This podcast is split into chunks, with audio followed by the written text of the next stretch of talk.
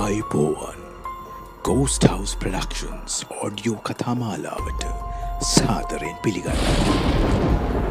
ඔබ තාමත් අපි චැනලයට සබස්ක්‍රයිබ් කරු නැත්නම් දැන්ම සබස්ක්‍රයිබ් කර බෙල් අයිකනය කලික් කරන්න.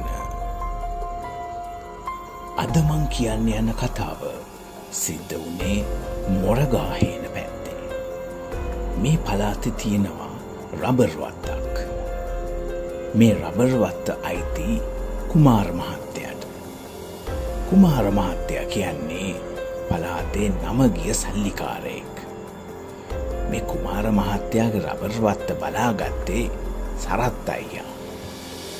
සරත් අයිය හරිම අහිංසක ගුණයහපත් මනුස්සයෙක්. ඒ වුනාට සරත් අයියව කසාද බදින්න නම් කවුරුවත් කැමති වුණේ නෑ.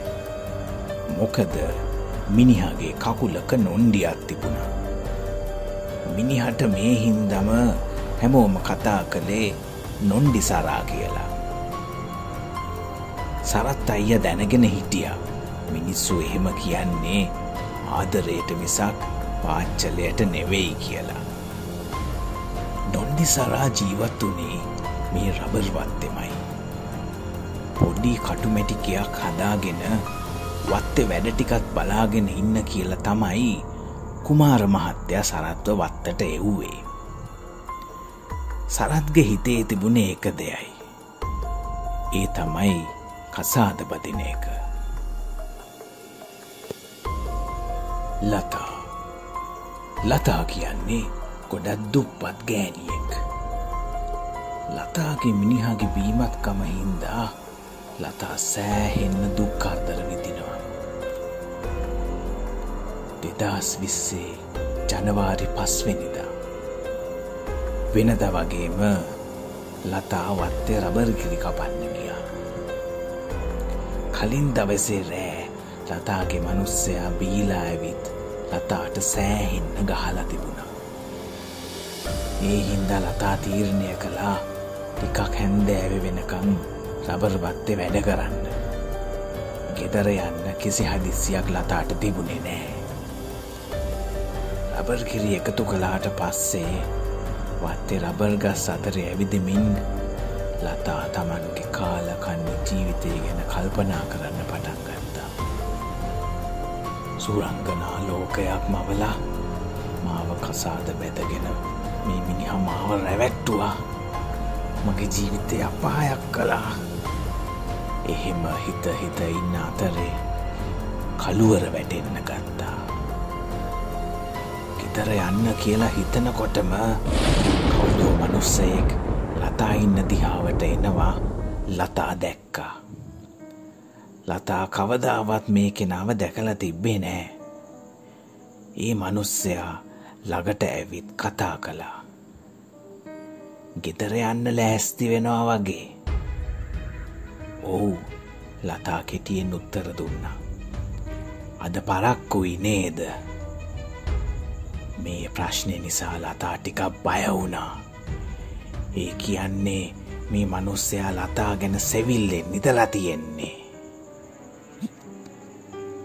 මං එහෙනම් යන්නම් අයියේ කියලා ලතා කියද්දි එක පාරටම ඒ මනුස්සයා ලතාව ගහකට තල්ලු කරලා ගහට තද කරගෙන ලතාගේ බෙල්ල මිරිකන්න ගත්තා. ලතාට කෑගහන්න විදිහක් නෑ. ඒ තරම් තදින් මේ මනුස්සයා බෙල්ල මිරිකගෙන ඉන්නේ. වත්ත බලාගන්න මනුස්සයා වාසනාවට වගේ මේ සිද්ධිය දැක්කා. ඒ මනුස්සය දුවගෙන එද්දී කලබලෙන් ලතාගේ බෙල්ල මිරිකගෙන හිටපු මනුස්සයා දුවලා යන්න ගියා. ලතානංගි බොහොදින් නේද ඔව් අයියේ කෞුද ඒ මනුස්සයා උබ දන්න කෙනෙක්ද? නෑ අයියේ. මං ඌව දන්නේ නෑ. කොහෙද මන්දයිදම් පාත් වෙච්ච නොන්ඩියෙක්?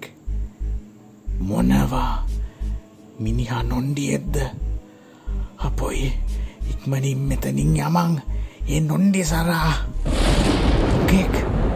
කතා කර කර ඉන්න වෙලාවක් නෑ ගෑනියේ. දුවපං.